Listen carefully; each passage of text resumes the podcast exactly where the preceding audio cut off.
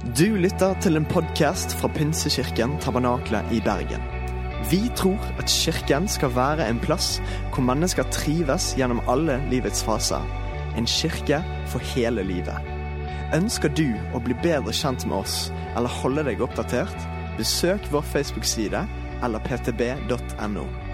Her er ukens tale. Så bra å se dere alle sammen. Jeg heter Thomas. Kan alle si hei, Thomas? Når jeg teller til tre, så sier du ditt navn. Én, to, tre.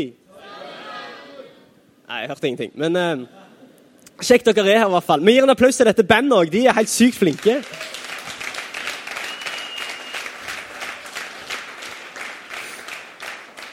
Utrolig bra. Det er en glede altså, å få lov til å være her. Vi har, eh, som, som, du har fått med deg, så har vi hatt en utrolig bra helg. og Jeg eh, må bare si at eh, jeg blir, jeg blir inspirert av å være her. Både i går, men òg i dag. Og se denne fantastiske, deilige menigheten her. Av så mange fine folk. Og så har dere jo òg den best eh, Altså, dere har den mest fine pastoren i Norge, vil jeg bare si. Eh, sånn rent utseendemessig, altså. Eh, Benjamin, her kan vi ikke gi han en applaus. Han er, han er bare helt vill. Jeg vil bare si takk for at jeg får lov til å komme. Det syns jeg er utrolig bra. Jeg er fra, fra Sandnes, fra sentrumskirka i Sandnes. Eh, gift med Karoline, eh, som òg er med her i dag. Hun er helt utrolig vakker. Eh, ja, og Folk sier til meg ja, og er enige. Eh, hun er bare min, da. Men eh, folk lurer liksom på hvorfor i all verden, hvordan klarte du å få tak på hun da? Veldig mange som spør om det. Eh, av en eller annen grunn. Men jeg pleier bare å si det er det du får når du begynner å gi tiende veldig tidlig. Da kan du få hva som helst. Så det var bare en oppmuntring til deg hvis ikke du er med og gir ennå. Altså, du vet ikke hva du går glipp av. Så jeg er veldig fornøyd med det. Eh, og jeg syns at eh, livet er, er, fint sånn generelt. Så nå vet dere eh, litt, litt, om meg.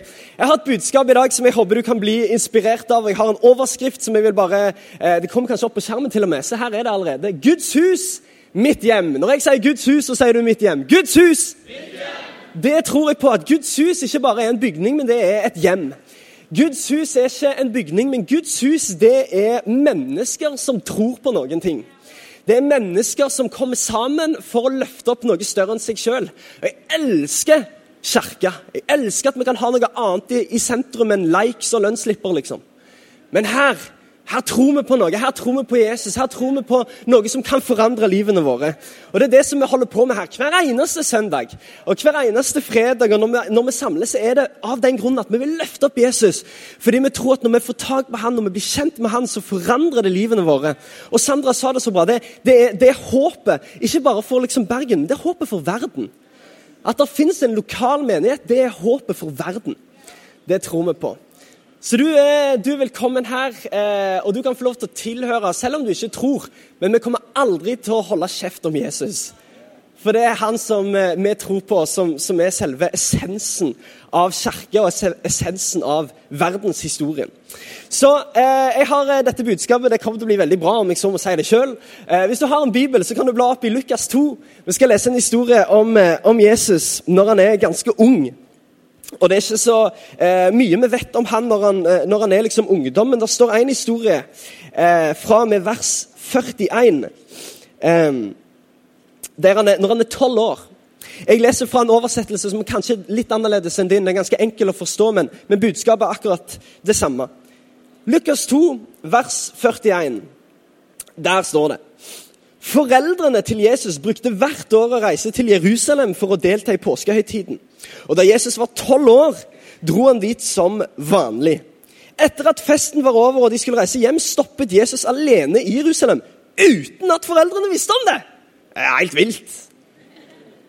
Vers 44. Foreldrene gikk en hel dag uten å savne ham. Hva slags foreldre er dette her?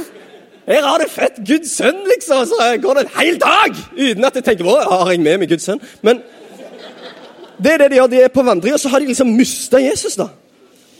Um, uh, de trodde han var sammen med sine venner i reisefølget, og fram mot kvelden begynte de å spørre etter ham. Blant slektninger og venner. Og Da de ikke kunne finne ham noe sted, vendte de tilbake til Jerusalem for å lete etter ham der. Etter å ha lett i tre dager Det er ganske, det er ganske drøyt. Etter de har lett i tre dager, fant de ham til slutt i tempelet, der han satt midt blant de religiøse lærerne og diskuterte vanskelige spørsmål. Alle som hørte måten han ordla seg på, undret seg over hans intelligens og kloke svar. Foreldrene hans visste ikke hva de skulle tro, og Maria sa, 'Men Jesus, hvordan kunne du gjøre dette mot oss?' Det er jo egentlig de som har gjort noe mot han, da, men ok. Eh, din far og jeg har vært så redde, og vi har lett etter deg overalt. Og så Hør på dette svaret fra Jesus. Dette, dette er så bra. Hvorfor har dere lett etter meg? svarte han. Visste dere ikke at jeg måtte være i min fars hus? i tempelet. Men de forsto ikke hva han mente. Jeg elsker reaksjonen til Jesus, som bare det første han tenker på, er hvorfor i all verden har dere lett etter meg? Visste ikke dere at jeg bare måtte være i min fars hus? Ikke det, var ikke det det første dere tenkte på, at jeg bare måtte være i min fars hus? Vet du hva, Det som jeg lurer på denne søndagsmorgenen, jeg lurer på om det er like selvsagt for deg at du òg tilhører Guds hus. Jeg lurer på om det er like selvsagt for deg at du òg er skapt for Guds hus.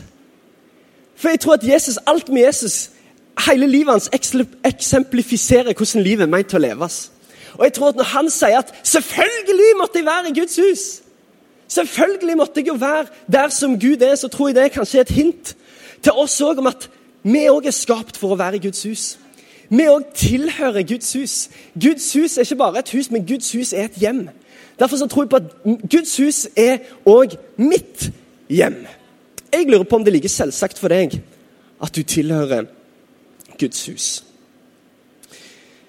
Jeg er veldig fan av å, av å eh, Jeg er veldig fan av at ting har en funksjon, at ting har en mening.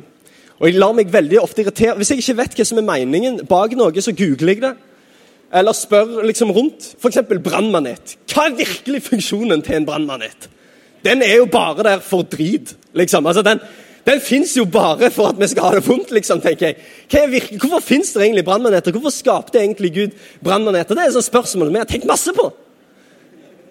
Det er ingen andre, kjenner jeg her. men... Eh, eller andre ting som Jeg husker vi hadde en sånn Del-PC når, når, jeg var liten. Og Det var alltid så mange knapper uten funksjoner. Og Jeg irriterte meg over, alltid spesielt over en knapp som, som heter jeg vet ikke om du har sett den knappen, men det er en knapp på testaturet som heter prt, skr. Og jeg tenkte, hva, hva funksjon har virkelig denne knappen? Kunne ikke bare tatt den vekk, og så hadde dette tastaturet sett litt bedre ut. tenkte jeg. Mange sånne knapper som jeg ikke skjønner hvorfor, hvorfor finnes de egentlig. Men så var det sånn at var, eh, jeg, jeg, satt hjemme og, og, spilte et spill sammen med en venn, og så husker jeg at han hele veien brukte den knappen. liksom. Så Hva er liksom funksjonen til den stygge knappen? Hvorfor bruker du den knappen? Og så sa han jo, når du trykker på den knappen, så tar han bilde av skjermen. What?! Du er revolusjonerende. Du tar bilde av Sånn at jeg kan huske det som jeg har spilt. liksom. Sånn at jeg kan ta bilde av syke, det syke Sims-huset jeg har lagd. Det er jo helt, er helt vilt, liksom, tenkte jeg. Og så fant jeg ut at prt, skr, står for print screen. Sant? Men det er altfor stort å skrive på én knapp. Men sant, det er sykt nice når du finner det. Å ja, det har faktisk sin funksjon. Det er nice. Du vet, Det var en smart mann som sa de to beste dagene i livet ditt er den dagen du blir født, og den dagen du finner ut hvorfor. Jeg har jo troen på, altså. De to beste dagene i livet ditt den er den dagen du, du, du, blir født. Det er jo en fordel at du, du blir født. Men, men den ant, beste dagen det er den dagen du finner ut av hvorfor.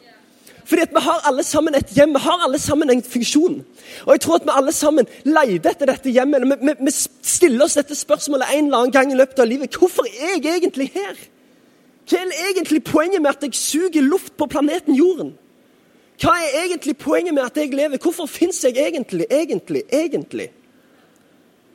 Men vet du hva? Jeg tror at vi alle sammen er skapt for Guds hus. Vi er ikke bare skapt av Gud, men vi er også skapt for Gud.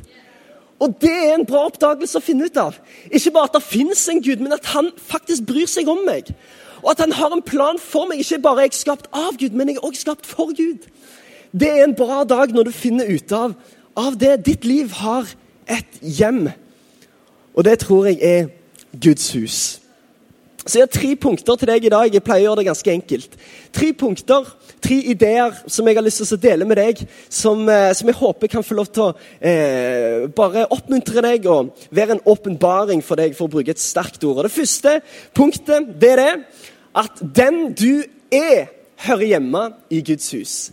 Den du er, hører hjemme i Guds hus. Tror alle mennesker leter etter et hjem. Kanskje ikke et fysisk hjem nødvendigvis, men alle leter etter noe som gjør at de kan senke skuldrene sant? og bare kjenne at de er akseptert, at de er bra nok. En av de beste historiene i hele Bibelen finner vi i Lukas 15. Der Jesus forteller en historie til de som står rundt, som jeg er overbevist om, om bare sjokkerte tilhørerne. I Lukas 15 så forteller han en historie om en sønn. Vi kaller det ofte for den bortkomne sønn, men det er egentlig en liksom dårlig overskrift. Det er egentlig den vennjente sønn det handler om. For Det handler først og fremst om en, en sønn som kommer tilbake igjen til Gud. og Når Jesus forteller denne historien, så sier han at det, det var en far som hadde to sønner. Den ene sønnen han spør faren kanskje jeg bare får arven. Kanskje jeg bare får de pengene som jeg får uansett når du dør. Kanskje jeg bare får de pengene nå. Og, og, og denne faren er en god far, så han sier ja, ja, kjør på. liksom. Her, her har du det som er ditt. Og så står det at han stikker av med disse pengene. Han, og han stikker av liksom, til et annet land, til en annen by. Og så står det at han bruker opp alle pengene på tull og tøys, og han lever et umoralsk liv. står det. Han bruker opp alle pengene på bare tull og tøys og lever et egoistisk og umoralsk liv.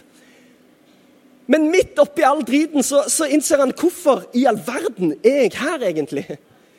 Jeg som hadde det så bra hos min far, hvorfor, hvorfor er jeg egentlig her? Og I det landet som han er i, der er det i tillegg hungersnød. Så de har ikke mat. Og han tenker jeg må, i fall, jeg må få meg en jobb, liksom. Og Han går overalt og søker jobb overalt. Men han får ikke jobb. Til slutt så, så får han en sånn helt sykt dum jobb med at han må passe på noen griser. og Han må spise maten til disse grisene. Det står til og med at grisene ga han ingenting. altså Til og med ikke grisene ga han mat. altså Da er du ute og kjører. sant? Og det, det er helt håpløst. og Han sitter der liksom og tenker Hvorfor i all verden sitter jeg her?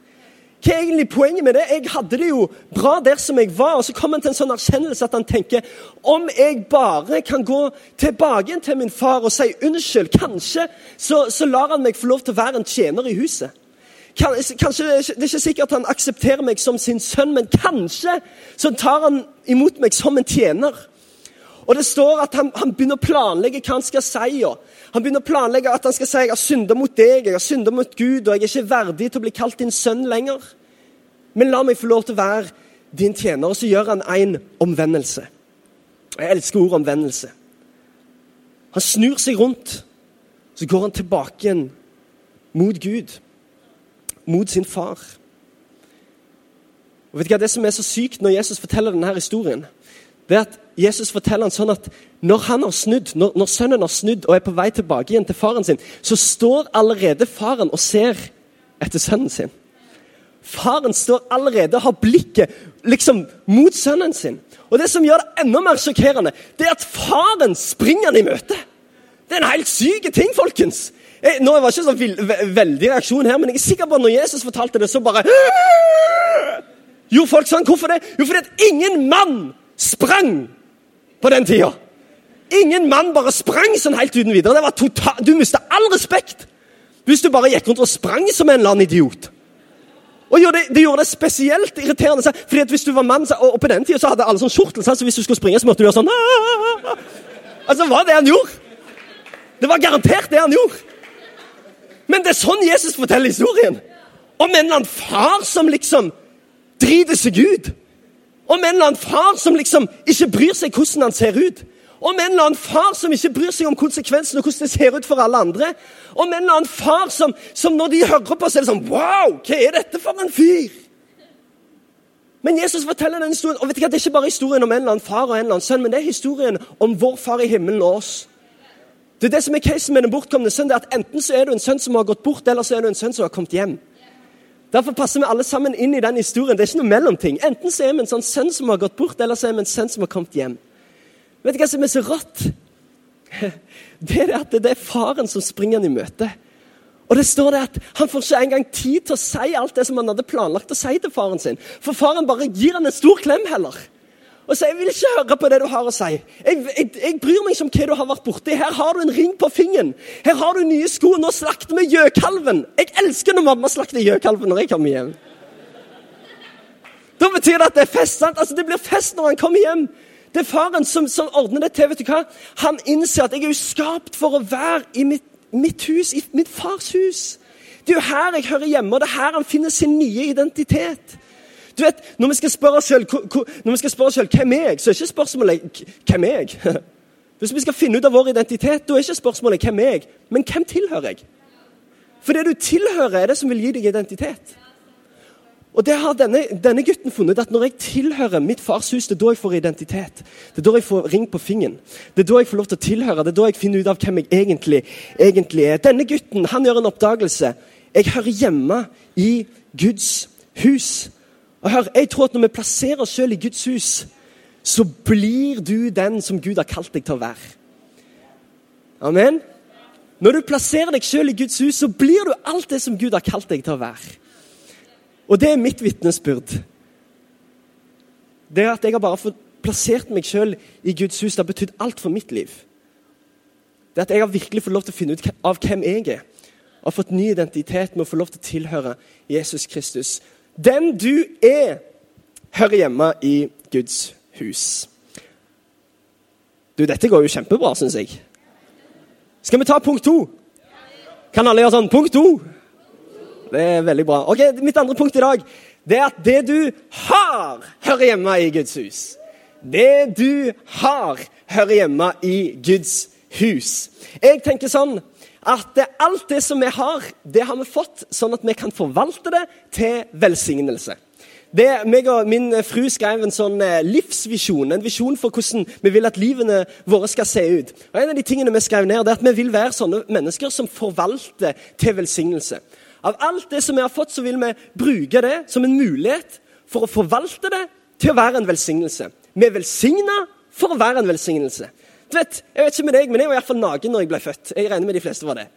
Um, og så lever vi livet, liksom, og så får vi litt greier. Men når vi dør, sånn, så får vi ikke ta med oss noe da heller. Så Uansett hvordan du vrir og vender på det, så er alt du har, det er bare midlertidig. Alt du har, det har du på en eller annen måte fått. Og vet du hva jeg tror? Er at Alt du har, hører også hjemme i Guds hus. For da kan det få lov til å bli en velsignelse for andre mennesker. Da kan det få lov til å leve videre selv om du ikke lever videre. Da kan Det som du har fått, det kan få lov til å være en, en velsignelse. Jeg tror alt vi har, òg hører hjemme i Guds hus. Og du vet, Når vi snakker om penger i kirka, så er ikke det fordi at kirka er et grådig hus. Det er fordi at kirka er et sjenerøst hus. Det er fordi at vi ønsker, Sandra sa det så bra. Vi ønsker, vi ønsker å være et hus som velsigner byen vår. Der folk kan få lov til å komme, der vi bare har mer enn nok, der vi bare må gi videre. Og være en velsignelse for byen vår, for landet vårt. Og Jeg elsker en, en lovnad som, som, Gud gir oss i, i Malaki 3.10. Jeg vet ikke om det kommer på skjermen her, men Malaki 3.10, der står det Gud sier dette. Kom med hele tienden til forrådskammeret, så det finnes mat i mitt hus. Med andre Hvorfor sier Gud dette? Ikke fordi det er et grådig hus, men fordi det er et sjenerøst hus. Kom med hele tienden. Ja, hvorfor det? Jo, så det kan finnes mat i mitt hus, selvfølgelig. Prøv meg på denne måten, sier til og med Gud. Prøv meg på denne måten, sier Herren over herskarene. Jeg skal sannelig åpne himmelens sluser og øse utover dere velsignelse uten mål. For en deal! Jeg skal sannelig åpne himmelens Altså, det er ganske vilt. Gud sier 'kom med tienden'. Hva er det for noe? Jo, det er 10 av det du har. 10 av det du eier. Og Det er et fantastisk prinsipp som Bibelen oppmuntrer oss til å, å bruke. Gi tienden til huset.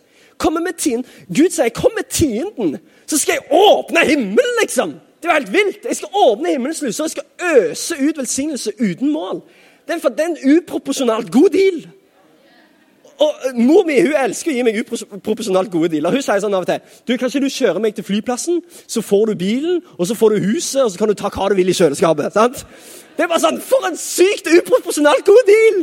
Jeg har jo alt å vinne på dette, liksom. Jeg kjører deg gjerne til flyplassen. Men det er sånn Gud òg er. sant?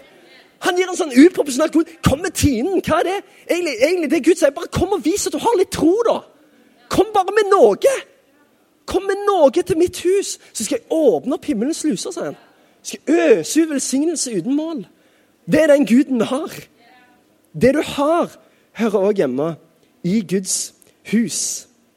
Og det er nydelig når kirka kommer sammen med det de har for å tjene Gud. Hør på dette. Jeg tror når du Når du plasserer det du har i Guds hus, så blir det multiplisert og mangedobla, sånn at det velsigner både deg sjøl og de rundt deg. Når du plasserer det du har i Guds hus, så blir det multiplisert og mangedobla, sånn at det både velsigner deg sjøl og de menneskene rundt deg. I Matteus leser vi òg en historie om Jesus. Er dere klar for en, en til historie? Det er en historie om, om, om, om dette, her, dette her er en ekte historie. Det var ikke bare en sånn historie som Jesus fant på, sånn som med den sønnen og faren. Men det var en helt ekte historie, der eh, Jesus eh, preker. ikke sant? Og så er det masse tilskuere, masse folk som hører på. Og så har de sittet der en hel dag og blitt kjempesultne, og disiplene begynner å ta ansvar. liksom. Hei, Jesus, jeg tror kanskje vi må fikse noe mat for dem, eller be dem de gå, sånn at de kan rekke hjem og, og, få noe mat før det blir mørkt. liksom. Men så sier Jesus ja, men det er ikke noe stress. Du, med, no, dere disipler, dere skal gi dem mat. liksom. Og Så står det at det er 5000 mennesker der, og det er utenom kvinner og barn. Så kanskje var det 10 000 mennesker der. 15, jeg vet ikke. Tusenvis av mennesker, og Jesus sier ja, men ingen problem, dere skal gi dem mat. Og så um, lurer disiplene på hvordan skal vi få til det her. Og så kommer det da en gutt. Det er ganske interessant, for det kommer en gutt med to fisker og fem brød. Helt vill lunsj fra en gutt, da, men ok. To fisker, liksom. Fem brød! Jeg er sykt sulten, av gutten. Men han, han, hadde, han, hadde, med seg det, da, av en eller annen grunn. Men det som jeg elsker med denne gutten, jeg vet ikke hva han tenker, eller hvem han er, eller noe, men, men, jeg elsker kanskje det han tenker Han der Jesus har jeg hørt på nå en stund. Han der Jesus har jeg fulgt nå en periode. Jeg ser at han er mer enn bare en eller annen vanlig mann. Jeg ser at han har noe, Det er noe spesielt med han. Jeg ser at Kanskje hvis jeg plasserer det lille jeg har i hans sine hender, så kan han gjøre et mirakel. Ikke vet jeg. Kanskje er det det denne gutten tenker. Og han gjør et forsøk. Han sier du, jeg har denne lunsjen. Og jeg ser for meg disiplene liksom, ja vel, hva skal vi gjøre med det, liksom? Men, men, men, de går til Jesus med det, og Jesus sier 'perfekt'! Begynn å dele ut! Helt absurd! Du vet at eh, disiplene, du vet, du vet når, du, når, du, bare gjør det som sjefen sier, eh, for, bare for å ikke miste jobben, men du vet han har feil. Sant? Det er det som disiplene gjør. Det er det som disiplene gjør nå, liksom. Vi bare sier, ok, dette er helt idiotisk, men vi bare gjør det. Vi bare gjør det. Og så begynner de å dele ut. sant? Og så er det nok Det er helt sykt, men det er nok mat til alle som er der. Det er et mirakel. Det er til og med tolv korger igjen. Hvor kom korgene fra? Det er et sykt mirakel, det der. Det er helt vilt. Og, og, folk lurer liksom på hva som skjedde nå. Men vet du hva, Kanskje så tenkte denne gutten hvis jeg bare plasserer det lille som jeg har i Guds hender, så kan han gjøre et mirakel. Og vet du hva, Det tror jeg på. Når vi plasserer det som vi har i Guds hus, så multipliseres det. Så mangedobles det, sånn at det velsigner både deg sjøl og de menneskene som er rundt deg. Hei, Jeg vil gi deg en oppmuntring en oppfordring. Ta så, til og med Gud sier det. Prøv meg på denne måten, sier Herren over herskarene. Det er en av de få gangene Gud sier det. Prøv meg på denne måten. Prøv meg på dette. Det er min oppmuntring òg til deg. Prøv Gud på dette. Amen. Vi tar det tredje punktet. Og det er det at det du kan, hører hjemme i Guds hus. Det du kan hører hjemme i Guds hus. Så alt det du er, den som du er som person, den du er, hører hjemme i Guds hus. Det er når du plasserer deg selv i Guds hus, at du blir alt det som Gud har kalt deg og meint at du skal være. Det du har, hører også hjemme i Guds hus. For når du plasserer det du har i Guds hender, så multipliserer han det, han mangedobler det, så det velsigner både deg sjøl og de menneskene rundt deg. Men så tror jeg òg på at det du kan, hører hjemme i Guds hus. Alt det du kan. Dine talenter, dine evner, dine gaver. Det hører hjemme i Guds hus. Og det Radiance er bare et fantastisk eksempel på det. Nå denne helga, Folk kommer bare med det som de kan. Det, alle kan ikke alt, men alle kan noe. sant? Og Det er så rått når folk kommer med det som de kan. Det, det betyr ikke så mye hva du kan. Men du kan jo brøle og lage lyd. Ja, det kan vi bruke i Guds hus. Ja, Men du kan jo bake boller. Ja, men det er jo perfekt i Guds hus. Ja, men du bryr deg jo Vet du hva? Det som jeg syns er så rått, det er at vi har noen sånne mennesker i, i kirka vår i hvert fall, som bare Det de kan, det er å bare lage en sånn atmosfære, en sånn trygg atmosfære der det går an å snakke. Jeg vet ikke om du har, har, det sånn med noen mennesker, men det er noen folk som du bare Når du, når du setter deg ned med dem, liksom, går på kafé med dem eller er hjemme hos dem, så bare spyr du ut alt du tenker på i livet, liksom. Men det er noen folk som bare det er det de kan. liksom. De er bare super på å lage den atmosfæren at det går an å snakke med folk. liksom. Det er så rått. Jeg elsker når folk bare kommer med, med det som de kan. Er det noen som har sett Titanic? Litt av en film. Da jeg den, altså Det er en fantastisk film. Det, da griner jeg hver gang jeg ser Titanic. Det er liksom, å, det er så nydelig. Er jo, så, ok, så er det jo en trist historie, så, men, men samtidig så er det liksom, du, det er liksom hele filmen. Det er så bra lagd. Skuespillerne. Alle liksom kan forskjellige ting. Og når du ser folk som bare kan helt syke ting, da bare blir du glad i hjertet ditt. Og kanskje litt trist. For du blir litt misunnelig. Men når du, når, du, når du, ser folk som kan syke ting, så blir du bare, blir du bare glad. Jeg elsker det. Vi hadde, en, vi hadde, akkurat et juleshow eh, eller akkurat i desember hadde vi det. Eh, et juleshow i kirka vår med ungdomsarbeidet. Og Da er det sånn Nei, kom med det som du kan! Vi lager til et show med det som du kan. Så var det en sånn Jeg kan snakke fake kinesisk. hva, hva, er fake kinesisk? Enten så er det kinesisk, eller så er det ikke det. liksom. Ja, ja, jeg kan fake kinesisk. Så vi tenkte ja, men det er kult! Det må vi få til. Så vi lagde en sånn rolle i dette juleshowet. da, med en, en fyr som var liksom en sånn Himalaya-fyr, som satt oppe på et fjell og hadde svaret på alle livets store spørsmål. Og, og plutselig så liksom, eh, I dette her showet så var det, det var noen sånne hovedroller som liksom møtte han her Himalaya-fyren. Og når de møtte han, så reiser han seg opp med hadde sånn langt skjegg. og reiser seg bare, Og spente en fyr i, i skrittet. Men det var, det var et helt sykt juleshow. Vi hadde både Darth Vader og Jesus og all slags folk kom på det her juleshowet. Men, men, det som var så kult, da, det var det at det, det ble så nydelig til slutt. For alle bare kom med det som de kunne. og det som skjer da, det er at Når folk har bare kommet med det som de kan, så blir folk imponert. sant? Folk bare, wow, folk blir inspirert. Og når folk kommer med det som de kan, så vet du hva som skjer da? Det er to ting som skjer. Det ene er at du ærer Gud, og det andre er at du inspirerer folk. Når du kommer med det som du kan, så ærer du Gud fordi han har gitt deg det. Og når du bruker det til hans ære, vet du hva, da, da, ærer du Gud. Da, da, viser du respekt for Gud. Da sier du 'Gud, her er jeg, jeg bruker det for deg'. Du ærer Gud, men det andre siden av det er at du inspirerer folk det at vi inspirerer mennesker. og På dette juleshowet det var fantastisk. Vi hadde 200 ungdommer der, og, og, og, og vi lagde liksom det showet. Og når jeg kom på i slutten, der, så var det enkelt for meg å, å preke Guds ord. Fordi at Folk hadde allerede senka skuldrene, folk hadde ledd, folk hadde hatt det gøy. For de hadde fått lov å se mennesker som bare kunne ting. Som bare bidra med det som de kunne. Og Det er et vitnesbyrd i seg sjøl. Det var enkelt for meg å preke Guds ord, og mennesker som tok imot Jesus og har blitt en del av kirka vår etterpå. Det er jo helt sykt. Jeg tror at når du kobler ditt talent med din tro, så kommer mennesker til å bli forelska i Jesus. Når du kobler ditt talent med din tro. Hei, bandet kan egentlig komme opp eh, på slutten her. Det tristeste jeg vet, det er når kristne, talentfulle mennesker som kan ting, ikke forstår hva de har fått. La meg spørre, Hvorfor tror du at du kan det du kan? Hvorfor, hvorfor, vi som tror på Jesus, hvorfor tror du at du kan det du kan? Jeg tror at Når vi plasserer det vi kan i Guds hus, så blir det til noe vakkert som ærer Gud og inspirerer mennesker. Og Det er det vi alle sammen kalt det. Den du er, det du har, det du kan òg, det hører hjemme i Guds hus. Og Jeg er sikker på at denne kirka har lyst til å legge til rette for at du kan bidra med det som du kan. I avslutningen her så har jeg bare lyst til å lese et vers fra Efeserne 2. Det kommer sikkert opp på skjermen. Efeserbrevet 2, 19-22.